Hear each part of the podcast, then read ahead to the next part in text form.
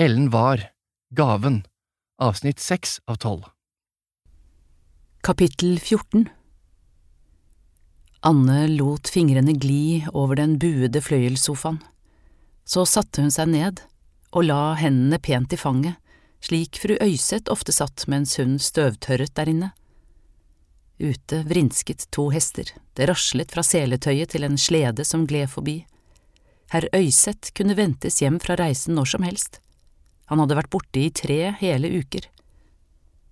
Fru Øyseth hadde gått rastløst rundt hele dagen. Til slutt hadde hun tatt på seg yttertøyet og gått ut for å handle. Spenningen til fru Øyseth hadde plantet seg i henne også. Hun reiste seg opp fra sofaen, rettet på skjørtet og gikk fram og tilbake i det vakre værelset.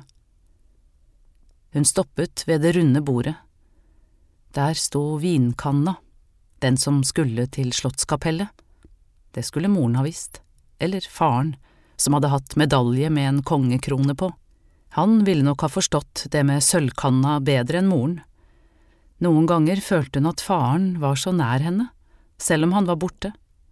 Det var trygt å tenke på. Hun hentet støvfilla fra kjøkkenet, og pusse var jo ikke å røre, men å fjerne alle spor. Hvis kanna virkelig skulle til slottet, så var det vel like galt uansett hvilke fingre som var på den. Ethvert fingeravtrykk ville være et fingeravtrykk for mye. Omhyggelig pusset hun hele kanna på nytt, og da hun var ferdig, bøyde hun ansiktet enda nærmere. Jo, hun kunne speile seg i den. Håret var gult som lin og kinnbena høye. Kanskje lignet hun litt på moren likevel. Hun smilte fornøyd over det hun så. Leppene var runde og myke og ganske røde, men langt fra så røde som leppene til fru Øyseth. Øynene var klare og blå, men under øynene hadde hun mørke ringer. Hun hadde sovet lite siden hun kom til Kristiania. Hjemme hadde hun speilet seg i bekken mange ganger, men hun hadde aldri sett seg selv i øynene. En gang hadde hun hørt at øynene var sjelens speil men hvordan kunne det da ha seg at hun så like inn i sin egen sjel og likevel følte at hun kikket inn i øynene på en fremmed? Velkommen til Kristiania. Hun gikk noen skritt tilbake, skumpet til det runde bordet i det samme så vinkanna dirret, mens hun holdt hendene med støvfylla beskyttende opp mot brystet. Hvor lenge hadde han stått og betraktet henne? Og snart måtte hun se på ham, ellers ville hun helt mangle manerer. Hun løftet blikket, neide, og kjente seg i det samme så varm. Han var høyere enn hun husket, men de gråblå øynene, den rette nesa og kløften i haka var det samme, de myke krøllene også. Hun så ned igjen, skimtet de slanke hendene. Ville han erte henne også denne gangen? Det er godt du er i hus, min kone har gledet seg til å ha deg her, hvor er hun forresten, ligger hun og hviler? Hun følte at han gransket henne. Fru Øyseth er ute og gjør ærend. Stemmen hennes sprakk opp i en lysere tone. Hun kremtet lett. Ja vel? Han så overrasket ut. Så hun føler seg bedre, altså? Ja, du skal se du allerede har gjort henne godt. Anne, var det det du het? Hun nikket, kjente hvordan hjertet slo i brystet. Hva var det hun var så redd for? Min kone sa at du var en av de beste tjenestepikene på Mustad. Hun sto helt stille, holdt pusten, hva skulle hun svare nå? Er du det? Han strøk fingrene gjennom håret, håret falt mykt mot panna. Uten å tenke seg om gjemte hun hendene bak på ryggen, ristet på hodet og sa Det vet jeg ikke. Han lo og smilte mot henne. Du kunne ha sagt ja, vet du, så snudde han på hælen og gikk ut i entreen. Det brant i kinnene. Han hadde gjort det igjen, ertet henne. Hun lot en finger gli forsiktig over et av de myke, lysegrønne bladene på den grønne blomsten ved siden av henne. Hva var det han hadde sagt? At hun gjorde fru Øyseth godt? Så oppdaget hun et blad som var brunt i kanten. Hun knep det forsiktig av, ble stående. Det var best å bli her inne en stund ville ikke ta sjansen på å støte på ham igjen med det samme. Men så rykket hun til, det gikk i ytterdøra, og nå ble hun nødt til å foreta seg noe. Herman? Herman, er du hjemme? Det var fru Øyseth, hun måtte ha sett sleden utenfor. Så hørte hun hans trinn nedover entreen. Der er du, kjære Andrea. Jeg skyndte meg hjem så fort jeg kunne, jeg har med en overraskelse til deg. Stemmen var myk, teaterbilletter til i morgen aften. Anne gjemte det brune bladet i hånda og hastet ut på kjøkkenet. I et svakt glimt skimtet hun dem sammen der ute, han med en arm om hennes liv, hun med blikket vendt opp mot ham. Så rettet hun seg opp og tok fatt på potetene og grønnsakene til steken fru Øyseth hadde bedt henne servere til middag.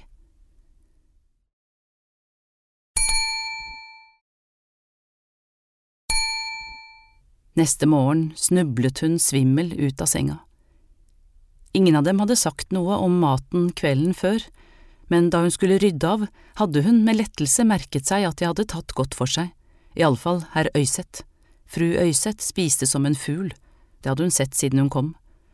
Hun hadde sendt jentene ved vannposten en takknemlig tanke, hadde det ikke vært for deres råd, ville hun nok aldri ha klart seg på kjøkkenet. Det var dette hun lå og tenkte på da hun skulle sove. Hun hadde forsøkt å bake en honningkake, men den var bare blitt til smuler, og hun visste at selv om fru Øyseth hadde takket etter måltidet, var ingenting av det hun hadde laget helt riktig tilberedt. Og så hadde hun begynt å tenke på dem der hjemme. Der hadde de nok blitt glade for kaka, samme hvordan den så ut. Hun hadde sett for seg morens magre, lute kropp, de såre, hovne hendene, som hun savnet dem alle sammen, moren, Kirstine, brødrene på Mustad, Jon, hun hadde trukket teppet godt over hodet og grått. Knapt en blund på øynene hadde hun hatt, selv om madrassen var myk og sengeklærne av lin, men noe måtte hun nok ha sovet, for da hun våknet, husket hun at hun hadde drømt så vondt om Kirstine. At hun lå syk der hjemme på Sevald, sløv i øynene og med feberhete kinn, og at fru Mustad nektet å hente Elseby hjem til henne. Alt hva moren tryglet og ba, så nektet fru Mustad å sende bud på den kloke. Hun hadde satt seg opp i senga med et rykk, og der ble hun sittende. Fru Mustad måtte hente Elseby, ellers så ville ikke søsteren leve over. Hun plasket vann i ansiktet, dro kjolen over hodet og knyttet arbeidsforkleet stramt om livet. Så festet hun håret og rettet seg opp. Nå måtte hun samle seg om dagens oppgaver. Det var nok å gjøre God morgen, Anne. Jeg skremte deg visst, det var ikke meningen. Jeg har nesten ikke hatt blund på øynene i natt, ser du. Jeg ble sittende altfor lenge nede i verkstedet og arbeide etter at Andrea gikk til sengs. Pokker også som tiden flyr når man arbeider. Herr Øyseth sto ved kjøkkenbenken og spiste rester fra steken. Han så sulten ut, nesten grådig, som en tjenestegutt som fikk kjøtt til jul. Hun neide. Så var det ikke bare hun som ikke hadde sovet i natt men han virket slett ikke like trøtt som henne, øynene strålte og fanget henne inn. Hun gikk et par ustø skritt tilbake, skulle til å unnskylde seg og gå tilbake til pikeværelset. Hun kunne alltid si at hun hadde glemt igjen noe der inne. Men det var kanskje bedre at hun lot som ingenting og fyrte opp i ovnen. Det var morgenkaldt på kjøkkenet, og snart ville han nok likevel be henne om det. Hun gikk bort og fant fram ved og torv men enda så ofte hun hadde fyrt opp hjemme, fikk hun ikke flammene til å ta tak. Kubber som kom rett fra skjulet i bakgården var det nesten umulig å få liv i.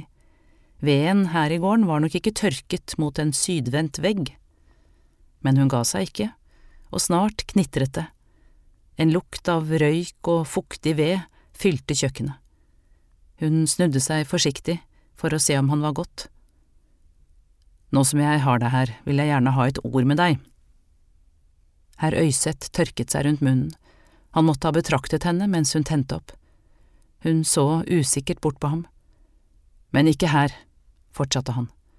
Andrea liker å sove lenge, som du sikkert har forstått. Han åpnet kjøkkendøra og vinket på henne.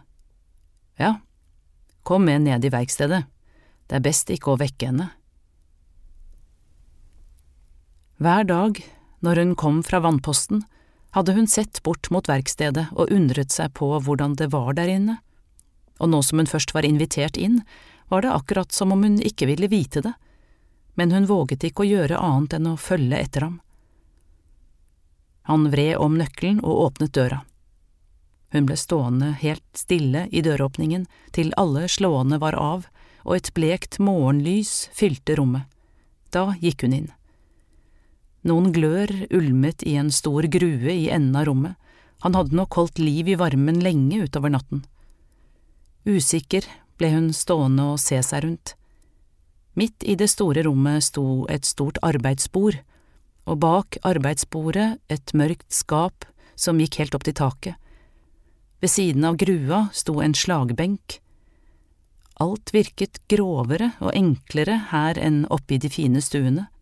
Gulvet hadde til og med brede planker, og det minnet mer om en bondestue enn noe annet. Sorte pussefiller lå slengt på gulvet, det var støv i krokene og spindelvev i hjørnene. Verkstedet hadde sitt eget liv, et liv langt fra det der oppe hos fru Øyseth. Da hun igjen så bort på ham, hadde han knyttet på seg et lærforkle. Hun smilte plutselig for seg selv.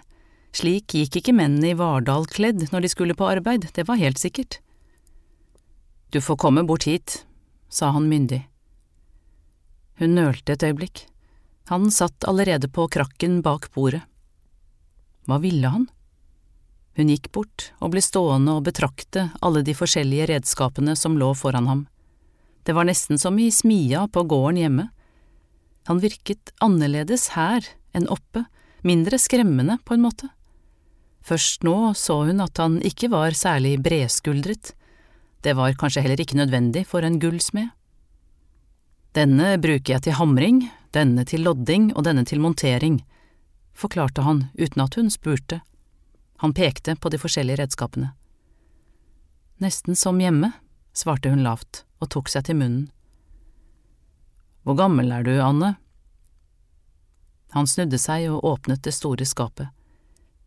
Jeg er 25, stotret hun mens hun kikket bort på radene av boller, vaser, mugger, krus, begre og skrin som åpenbarte seg bak ham. De måtte være i det reneste sølv, akkurat som vinkanna oppe. To år eldre enn Andrea, altså. Han så rett på henne. Det fikk henne til å rødme.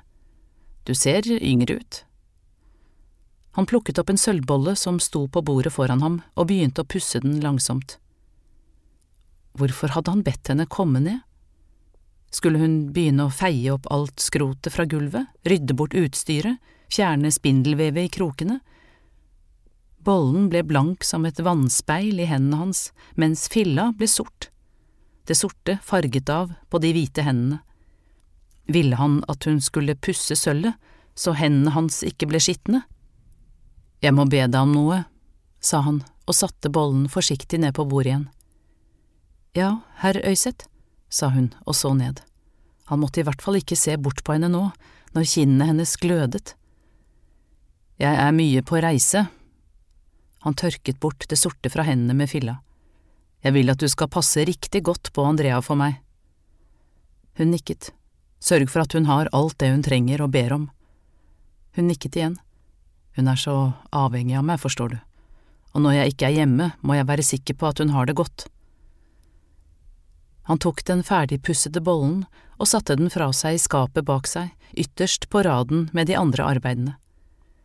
Hun har ikke vært riktig frisk i det siste, det har du sikkert forstått. Anne nikket. Hun hadde nok hørt at fru Øyseth hadde hostet noen ganger, akkurat som sist sommer, men ellers virket hun ikke syk. Hun virket opprømt og glad der hun svinset rundt henne oppe i stuene, som om hun moret seg over å følge med på alt det Anne foretok seg.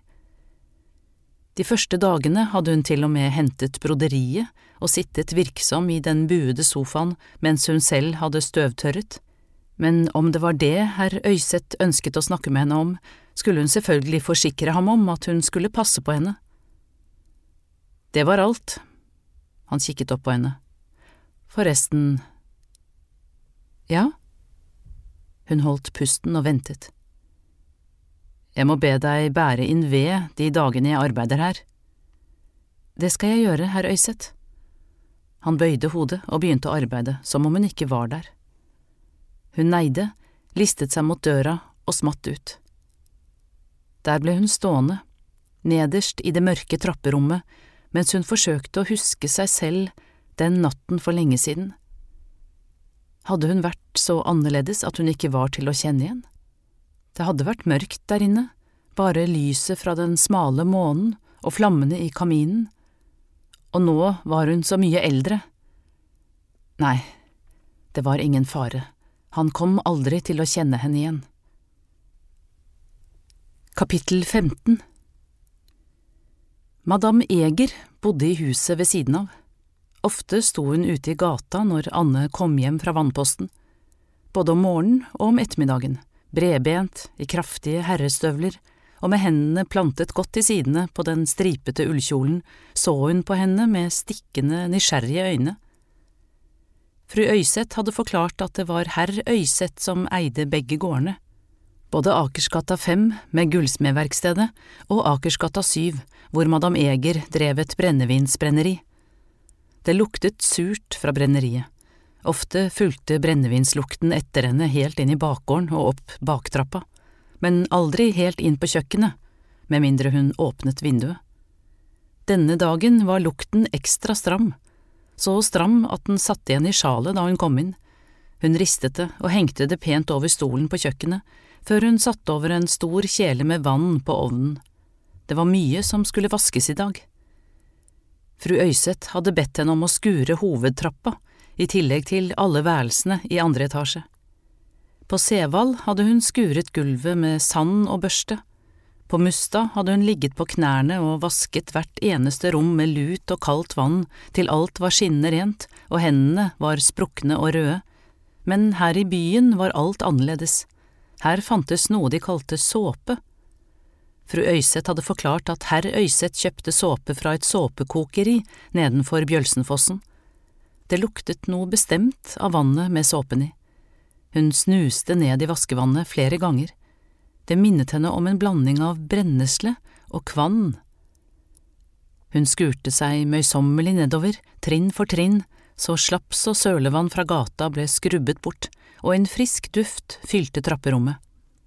Plutselig hørte hun ytterdøra som slo igjen. Hun rettet seg opp. Kanskje det hadde vært noen der inne i verkstedet hos herr Øyseth, eller kanskje det var han som hadde gått ut et ærend. Hun kikket ned. Døra sto fortsatt åpen. Striper av lys fra vinduene i verkstedet lyste opp gulvet utenfor. Fru Øyseth hadde sagt at han alltid låste verkstedet når han var ute av gården, fordi det var så mye verdifullt der. Hvis døra sto åpen, måtte det bety at han var der. Hun listet seg ned trappene og gløttet forsiktig inn i verkstedet. Ingenting var endret fra dagen før. Herr Øyseth satt ved arbeidsbordet og studerte en tegning. Så løftet han papiret opp, nærmere ansiktet. Han virket konsentrert, alvorlig. Hun listet seg ut og tømte skyllevannet i rennesteinen. Da hun kom inn igjen, hadde han begynt å sage Sølvet var festet i en tvinge. Hun ble stående i skjul bak døra. Overarmen og skulderen hans var helt i ro, mens underarmen og håndleddet førte sagen rolig opp og ned gjennom den blanke sølvplaten.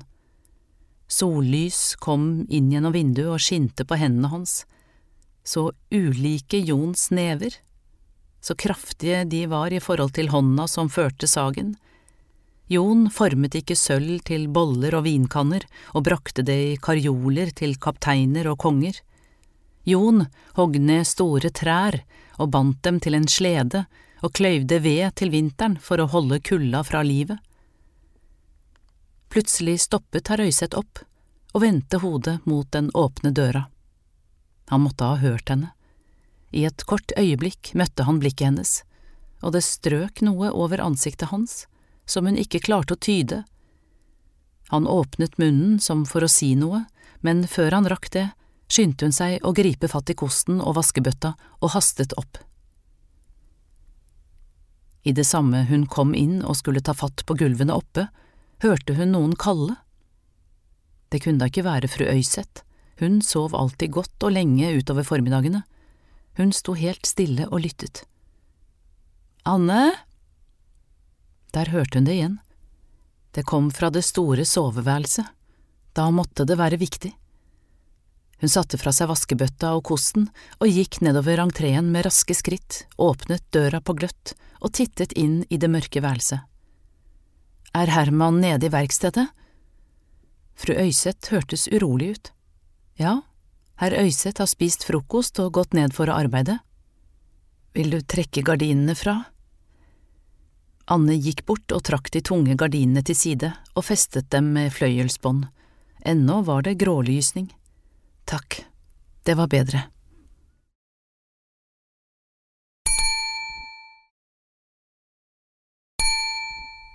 Det var kommet en svak, blårød farge under øynene hennes som hun ikke hadde lagt merke til før. Anne åpnet vinduet på gløtt, kanskje litt frisk vinterluft ville gjøre henne godt. Lukten fra brenneriet til madame Eger var heldigvis ikke så sterk nå. Hun lente seg fram og syntes hun så Hanna langt der borte, en liten, sort skikkelse som beveget seg alene oppover gata med en bøtte i hver hånd. Det måtte bety at hun hadde gått en ekstra gang. Det var kanskje flere hun hjalp med vannbæring enn skomakeren, han kunne umulig trenge så mye. Bare Hanna kom tilbake til ettermiddagsturen. Samtalene med Hanna hadde blitt hennes viktigste holdepunkt. Det er kaldt, klaget fru Øyseth fra der hun lå. Anne lukket vinduet og festet haspene. Så gikk hun bort og trakk fram nattpotta fra under senga. Hver dag tømte hun den på et fast sted i bakgården, stedet som nattmannen besøkte en gang i uka. Hun hadde aldri hørt om en nattmann før hun kom til Kristiania, men nå visste hun at han ikke bare kom om natten og hentet alt det fornødne, men at han også satte hoder på stake, på et sted som het Etterstad etter halshuggingen. Hun grøsset alt det de visste ved vannposten. Hun satte potta like utenfor, hun fornemmet at fru Øyseth gjerne ville ha henne i nærheten, potta fikk hun ta senere. Kan du tenne opp i kaminen, Anne, jeg fryser så forferdelig. Hun hadde lagt torv og noen tynne pinner fram kvelden før, flammen fikk lettere tak her enn på kjøkkenet, snart knitret det godt. Hun følte at fru Øyseth fulgte henne med blikket for hvert eneste skritt hun tok. Det minnet henne om Kirstine, som alltid lå og tittet på henne i halvsøvne mens hun fyrte opp de kalde vintermorgenene før hun gikk til Mustad. Nå blir det snart lunt her inne. Hun tørket hendene på kjoleforkleet. Du må gå et ærend for meg, Anne. Fru Øyseth heiste seg opp. Men du må ikke si noe til Herman, jeg vil ikke at han skal uroe seg for meg. Fra nattbordskuffen trakk hun fram en lærpose med mynter og en liten lapp. Du må gå på apoteket. Hun tok imot skinnposen. Apoteket? Ja, det er et sted med medisiner. Fru Øyseth forsøkte å skjule et smil. Det er ikke vanskelig å finne, motsatt retning av Kristiania Torv, gå nedover den første sidegaten du kommer til, Tollbugaten, den skal du følge helt til du kommer til nummer 21. Der vil du finne et apotek i en murbygning på hjørnet av Kongens gate. Jo, det skulle nok huske, hun neide. Og Anne? Ja, fru Øyseth? Vær snill å kalle meg Andrea når herr Øyseth ikke er her.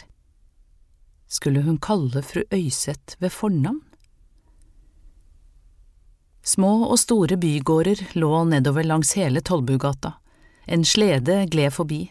Det var tynt med snø enkelte steder som meiene skar ned i brosteinen og laget en skjærende lyd. Folk for fram og tilbake. Hvor skulle de, alle sammen? Alt virket så mye travlere her enn hjemme. Sola var kommet fram, fuglene sang, det hadde sluttet å blåse, og det var visst endelig et snev av vår i lufta. Hun hadde tenkt på fru Øyseth, eller Andrea, som hun nå skulle få kalle henne, da hun gikk ut og på smerten hun hadde kjent i brystet da hun var inne hos henne. Men da hun gikk her, syntes hun plutselig at alt virket lettere. Det var som om hun var ute og utforsket en ny sti, akkurat som da hun var liten. Uroen hun hadde stått opp med, ble mindre for hvert eneste skritt hun tok. På hjørnet av Kongens gate ble hun stående og skue over mot apoteket. Hvorfor holdt Andrea dette skjult for herr Øyseth? Hvorfor ville hun ikke uroe ham? Hun krysset gata. Apotek. Apotek med medisiner. Hun trakk pusten dypt og gikk inn. En brun mahognidisk med en søyle på hver side skinte mot henne. Det samme gjorde brune, blanke hyller med små skuffer oppover veggene, og lengst inne, ved endeveggen, sto en klokkekasse, helt lik den store de hadde på brusveden. Men på toppen av denne var det en svane som skimret i noe som lignet det reneste gull. Det hadde de ikke hatt på brusveden. Hun ble stående helt stille ved inngangen og kikke. Hva ville Elseby ha ment om dette stedet? En dame med en lang cape og en vid hatt på hodet kom inn like bak henne. Unnskyld, ba hun og flyttet på seg så damen skulle få komme forbi. Hun selv ble stående. Glassflasker i forskjellige størrelser sto oppstilt bak disken på brune, blanke hyller. Det var jo dette hun hadde sett den gangen hos Elseby, flasker som sto oppstilt på rekke og rad i et rom så vakkert at det nesten tok pusten fra henne. Hun tok et skritt lenger fram, beundret de små, brune flaskene som sto på disken. De minnet om rosevannet Elseby hadde lært henne å lage. Elseby hadde vist henne eplerosene som sto i tette kratt nede ved Mjøsa. Den søte duften hadde nesten gjort henne svimmel. Gud har satt sitt mest dyrebare merke på disse lyserøde kronbladene, Anne, hadde hun forklart. Han har skapt dem hjerteformet og gitt dem duften av kjærlighet. Man skulle bare bruke kronbladene, stilkene og bladene måtte ikke være med, og kronbladene måtte være helt friske. Det aller beste tidspunktet å plukke bladene på var to timer etter soloppgang. Kronbladene ble lagt i en liten gryte, og Elseby øste nordrennende vann på dem til de ble helt dekket. Nordrennende vann var hellig, forklarte hun. Så hengte Anne den lille gryten over grua på Biri og sto og passet på, for vannet måtte ikke koke, bare dampe. Slik sto hun og voktet de edle dråpene hele formiddagen, helt til bladene hadde mistet fargen og vannet hadde fått en svak, lyserød olje på overflaten. Så silte hun det som var i gryten, og klemte ut den siste resten av vannet fra kronbladene før hun helte rosevannet på en liten, brun glassflaske. Hadde noen av disse flaskene rosevann? Anne gikk bort til disken, bøyde seg fram mot en av de små flaskene og stavet sakte Riga-balsam med honning. Skrive hadde hun aldri lært, men nå var hun glad for at hun i hvert fall kunne bokstavene. Kan jeg hjelpe dem? En ung mann sto plutselig ved siden av henne. Han hadde på seg pene, sorte søndagsbukser, hvit skjorte med et gult silketørkle i halsen og en mørkegrønn brokadevest. Hun smilte forsiktig og snudde seg mot skuffene med de hvite etikettene, og uten at hun hadde bedt om noen verdens ting, begynte mannen å lese høyt for henne. Herba boraginis, herba millefoli, herba mentolatum, herba absinte, er det noe av dette de er ute etter, frøken? Han trakk ut en av skuffene. Hun bøyde seg enda nærmere, snuste forsiktig og forsøkte samtidig å skjule de røde kinnene. Kalte han henne for frøken, måtte han kanskje tro hun var veldig ung. Noen lo, hun snudde seg, to damer gikk hurtig ut av apoteket. Hun hørte dem utenfor, latteren bare fortsatte. Hun så ned og rødmet. Det sprengte bak øynene. Mannen kremtet, og hun stakk hånda hurtig inn i kjolebrystet og fant fram lappen fra Andrea. Uten å si et ord hentet han fram en brun flaske som han plasserte bestemt på disken foran henne. Så rettet han litt på silketørkleet og sa, Noe annet, frøken? Nei takk. Hun trakk frem lærposen med myntene og ga ham hele. Takk. Han bukket lett og tok ut de myntene han skulle ha. Flere mennesker hadde kommet inn i apoteket nå. Var det så mange som trengte medisin i byen? Hun ville gjerne bli her en stund, prøve å finne ut av alle de forskjellige duftene. Hun hadde kjent igjen flere av dem, salvie, mynte, rosmarin, nattlys, johannesurt og revebjeller, men noe var helt fremmed, sterke dufter også, blandinger hun ikke forsto. Hvem hadde plukket disse plantene? Var dette lov? Mange utenlandske legeplanter passer ikke for vårt land og våre syke, Så viselig har forsynet innrettet alt at sykdommer som forekommer her i landet, kan helbredes med nettopp de urter som vokser på stedet. Det hadde hun lært av Elseby. Om hun hadde våget, ville hun ha spurt mannen hvorfor plantene som var her inne var lovlige, og ikke plantene de kloke plukket. Da hun kom tilbake, ble hun stående på kjøkkenet. Noe var annerledes. Hun følte det på seg, en bølgende sitring i kroppen. Hun satte fra seg medisinflaska på kjøkkenbenken, tok av seg sjalet og støvlene, åpnet døra ut til entreen og listet seg ut. Der ble hun stående som frosset fast, hjertet hamret. Andrea satt oppe, hun hadde selskap. Men det var noe annet som var enda mer kjent, trygt. Andrea måtte ha hørt henne, for øyeblikkelig ringte bjellen. Hun glattet på håret, på kjolebrystet og på skjørtet med hender som skalv som det første vårløvet, og åpnet døra. Anne, så godt det er å se deg. Fru Mustad satt i den buede sofaen i den blanke, blå finkjolen sin. Den hvite, blonde kragen lå rundt kragen, og den skinnende sølvnålen var festet midt på brystet. Øynene hennes lyste blidt mot henne. Jeg hører fru Øyseth er så fornøyd med deg. Hun neide. Hun hadde mest lyst til å kaste seg om halsen hennes, kaste seg om halsen hennes og gråte. Herr Mustad har ærender i byen, og jeg fulgte med, og så ville jeg gjerne besøke fru Øyseth og gratulere. Ja, det er jo første gang vi ses etter at de giftet dem, fru Øyseth. Fru Mustad så bort på Anne med et varmt blikk, og i et øyeblikk virket det nesten som om fru Muste hadde savnet henne også. Kan du servere te og kake, Anne? kvitret Andrea. Hun hadde valgt den dyprøde fløyelskjolen. Kinnene var bleke, men likevel, det var ikke vanskelig å se at besøket gledet henne. Hun måtte ha stått opp og kledd på seg rett etter at Anne var gått av sted til apoteket. Perlene hun så ofte hadde hatt i ørene den første tiden, hadde hun nok ikke rukket å ta på, men håret var satt opp med skimrende perlemorskammer. Hun neide. Hvordan skulle hun få spurt etter dem der hjemme? Anne bar inn de fineste porselenskoppene på et sølvbrett, sammen med en kanne te og en kanelkake skåret i tynne skiver. Det var Guro som hadde gitt henne oppskriften, og så hadde hun forklart at det var finere med tynne skiver enn med tykke.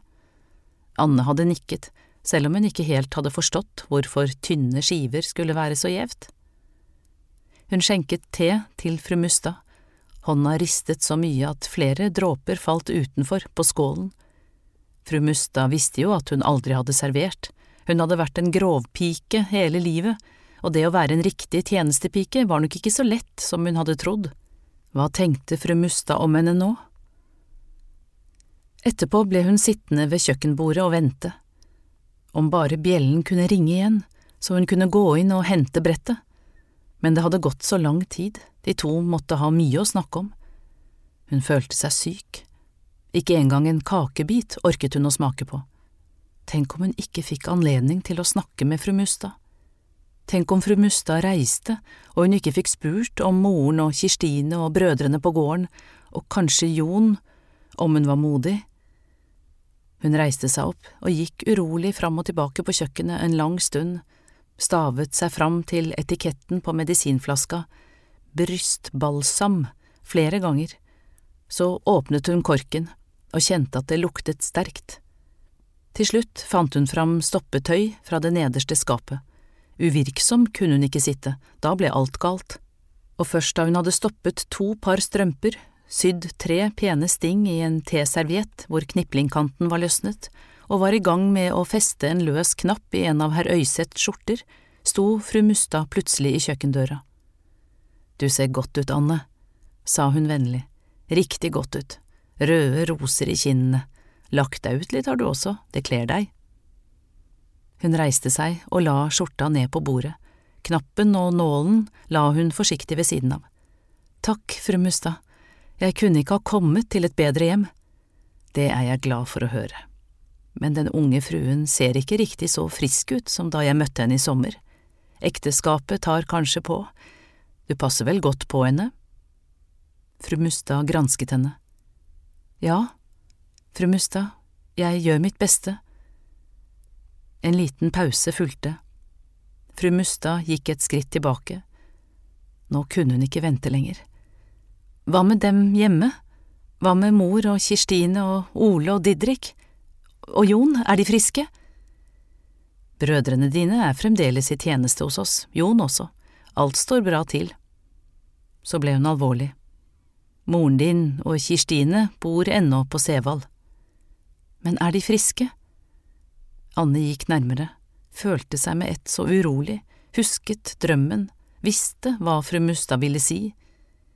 Kirstine har vært litt skral siden du reiste, vet jeg. Hun visste at det var noe galt hjemme, visste det, det sved bak øynene, det hjalp vel ikke at hun var her, hvis ikke Kirstine klarte seg der hjemme. Anne knyttet nevene. Hun skulle aldri ha kommet. Gaven hennes ble jo like mye gjemt bort her som i Vardal. Her var det ikke engang lov til å hjelpe. Her ble de kloke straffet med tukthuset, og ikke en eneste plante hadde hun sett i de golde vårgatene. Om bare Elseby kunne se til Kirstine men hun kunne ikke be fru Mustad om det, det var umulig. Ja, om hun ikke blir bedre nå når våren og varmen kommer, vil jeg sende presten for å se til henne. Du skal ikke uroe deg, Anne. Men fru Mustad… Hun tiet. Jeg kom bare for å si farvel. Fru Mustad hørtes bestemt ut. Det var hennes måte å avslutte på når noe var vanskelig. Anne visste det så altfor godt. Farvel, fru Mustad. Anne neide. Så gikk hun med raske skritt bort til benken og grep flaska med brystbalsam. Så stanset hun. Hva med Andrea? Hva med pengene? Så snudde hun seg og rakte den mot fru Mustad mens hun skalv på hånda. Ta denne, fru Mustad, vær så snill, til Kirstine, si at det er fra meg.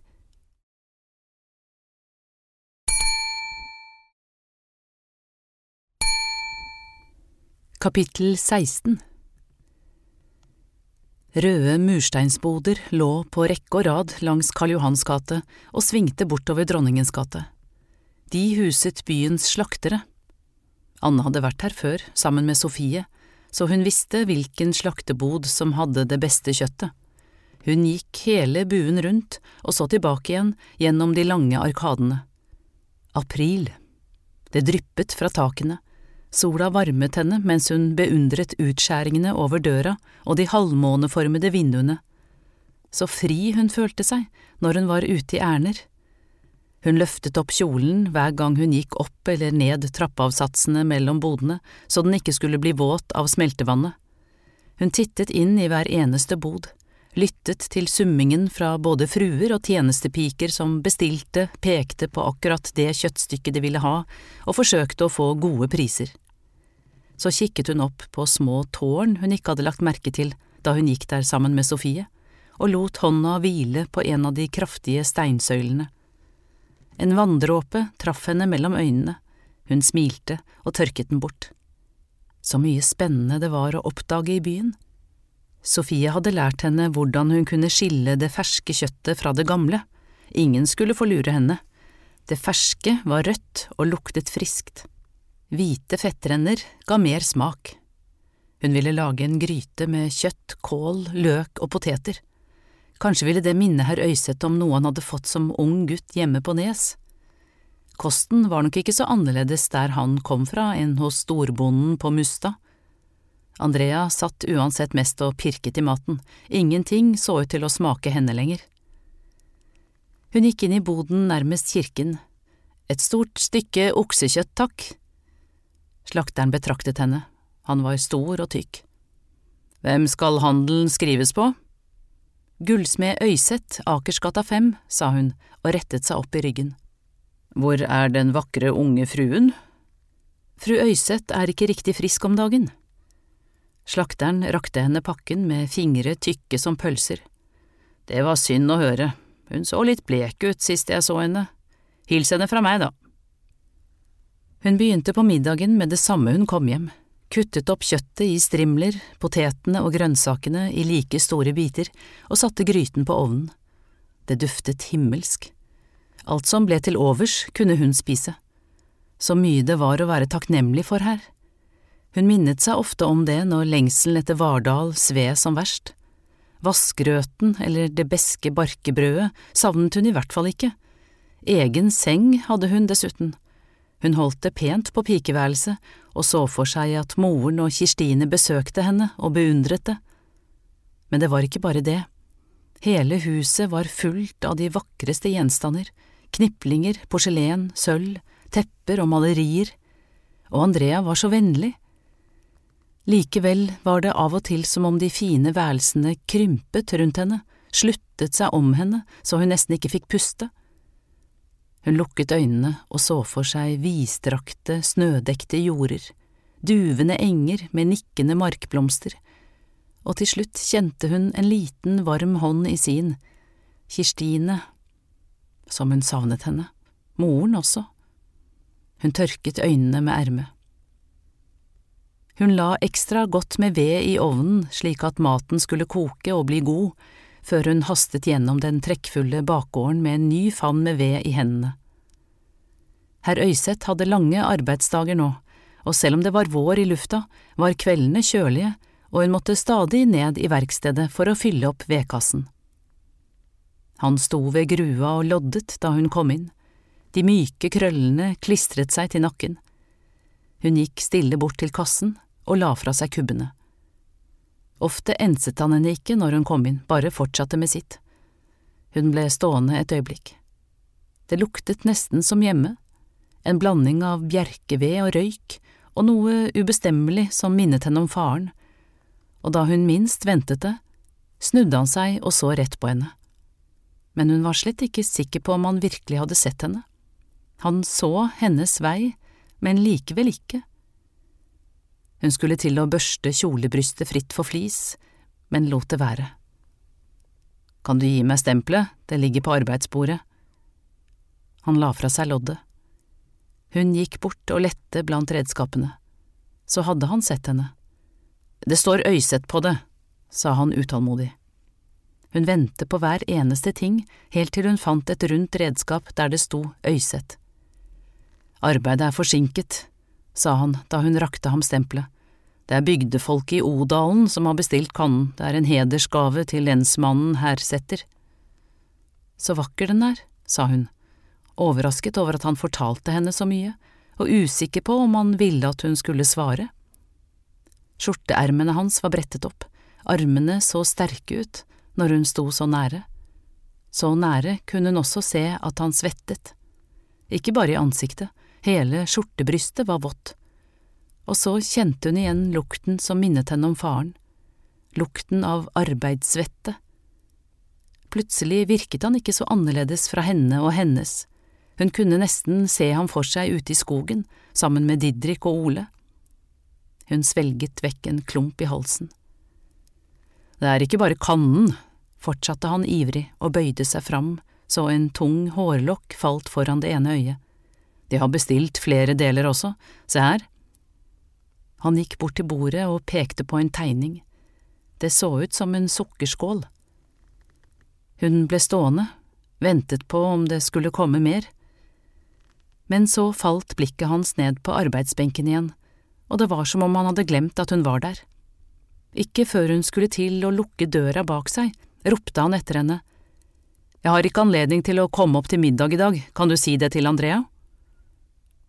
Og så var han igjen gullsmeden, og det var umulig å se ham for seg stå ute i skogen og hogge trær.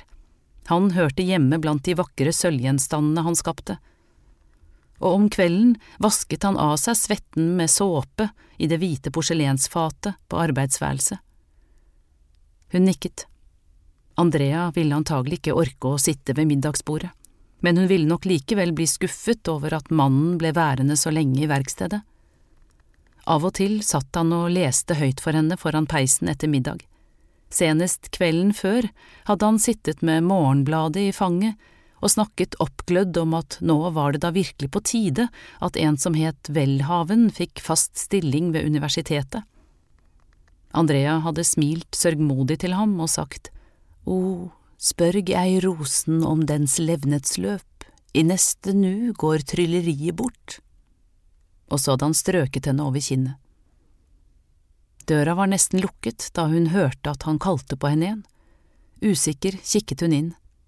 Du kan komme ned med et brett til meg når Andrea ikke trenger deg lenger. Han hadde fremdeles blikket festet på arbeidet, og først da husket hun gryten på ovnen. Flammen i grua var ved å slukne da hun kom tilbake. Hun satte brettet med kjøttgryten og et glass vin forsiktig ned på en ledig plass på arbeidsbenken og gikk bort og la på et par nye kubber. Hvordan går det med henne? Han gløttet så vidt opp. Fru Øyseth har ikke hatt noen god dag, hosten er visst blitt verre. Han svarte ikke, bare begynte å spise. Maten så ut til å smake ham, hvis han da i det hele tatt tenkte over det. Hun hadde en følelse av at han ofte hadde tankene andre steder enn der han var. Om hun bare hadde visst om hun skulle vente eller gå. Hun ble stående. Ute hørte hun lyden av en vogn og av hestehover som smalt mot bakken. Det betød at snøen snart var borte, når vognene byttet plass med sledene, og når snøen var borte, kom plantene fram. Hun kjente noe røre seg i henne, en spenning, en opprømthet, kanskje et håp. Noe måtte hun da finne her i byen, noe som kunne lindre hosten til Andrea. Hun hadde tilstått sin synd, at hun hadde sendt med fru Mustad medisinflaska hjem til Kirstine fordi hun hadde vært så engstelig for henne. Hun hadde selvfølgelig forventet refs, men Andrea hadde bare sendt henne av gårde på nytt. Men samme hvor mye brystbalsam hun tok, så det ikke ut til å hjelpe stort. Han tømte vinglasset i en slurk og så bort på henne. Henter du ned en kanne? Og så får du visst gi deg for i dag. Det blir da lange dager på deg også når Andrea ikke er til pass. Hun neide og kjente at hun glødet i kinnene. Men så hadde hun også stått nær varmen. Nå skremmer han meg ikke lenger, tenkte hun. Så tok hun fatet og skyndte seg opp. Før hun rakk å tenke seg om, hadde hun tatt veien om finstua på vei fra kjøkkenet til verkstedet, og nå sto hun der og så på seg selv i skinnet fra vinkanna. Hun satte den fra seg og knep seg i begge kinnene, slik som hun husket Karen alltid gjorde når hun så kjæresten komme over tunet. Plutselig vendte hun seg om. Andrea hadde et hosteanfall, og her sto hun og gjorde seg til. Skammen skyllet gjennom henne, hun skyndte seg ut i entreen, døra inn til det store soveværelset sto på gløtt. Andrea hadde bedt om det de siste kveldene, hun var redd for å være alene, sa hun. Andrea fant stadig påskudd for å kalle henne inn til seg, og stadig klaget hun på at mannen bare jobbet mer og mer når hun selv ikke følte seg helt bra og trengte hans selskap. Noen ganger hadde Anne hørt irritasjon, andre ganger sårhet, oftest sårhet. Hvis han ikke engang kom opp til middag, var det ikke mye tid han hadde til henne. Han så forvirret opp på henne da hun kom tilbake, som om han ikke forsto hvorfor hun var der. Kanskje han hadde glemt at han hadde bedt om mer vin. Hun satte kanna forsiktig ned på bordet foran ham. Nå, der er du, Anne. Hun skulle til å gå opp, var fremdeles urolig for Andrea, men plutselig reiste han seg og rakte fram glasset. Hun skjenket i, skalv på hånda og følte at han gransket ansiktet hennes. Så lot han blikket gli nedover henne. Usikkert tok hun et skritt tilbake, kjente seg plutselig så ør, så varm i hodet. Nå husker jeg hvor jeg har deg fra, utbrøt han og gikk mot henne. Det var jo du som listet deg rundt på Musta midt på natten som et annet spøkelse. Hun så ned, han måtte ikke se hvordan hun rødmet. Du sto til konfirmasjonen, vel? Han smilte og dro den ledige hånda gjennom håret. Hun nikket. Så det var deg Andrea la sin elsk på på midtsommerfesten, det visste jeg ikke. Nok en gang lot han blikket gli over henne, og hun kjente hvordan bena skalv, hvor ustø hun plutselig var blitt. Han tok en ny slurk av vinen, ennå med øynene hvilende på henne. Så snudde han seg mot arbeidsbenken og satte fra seg glasset. For første gang siden hun kom til Kristiania, var det ikke hjemmet hun hentet fram da hun lå under teppet og prøvde å finne noe å feste tankene på.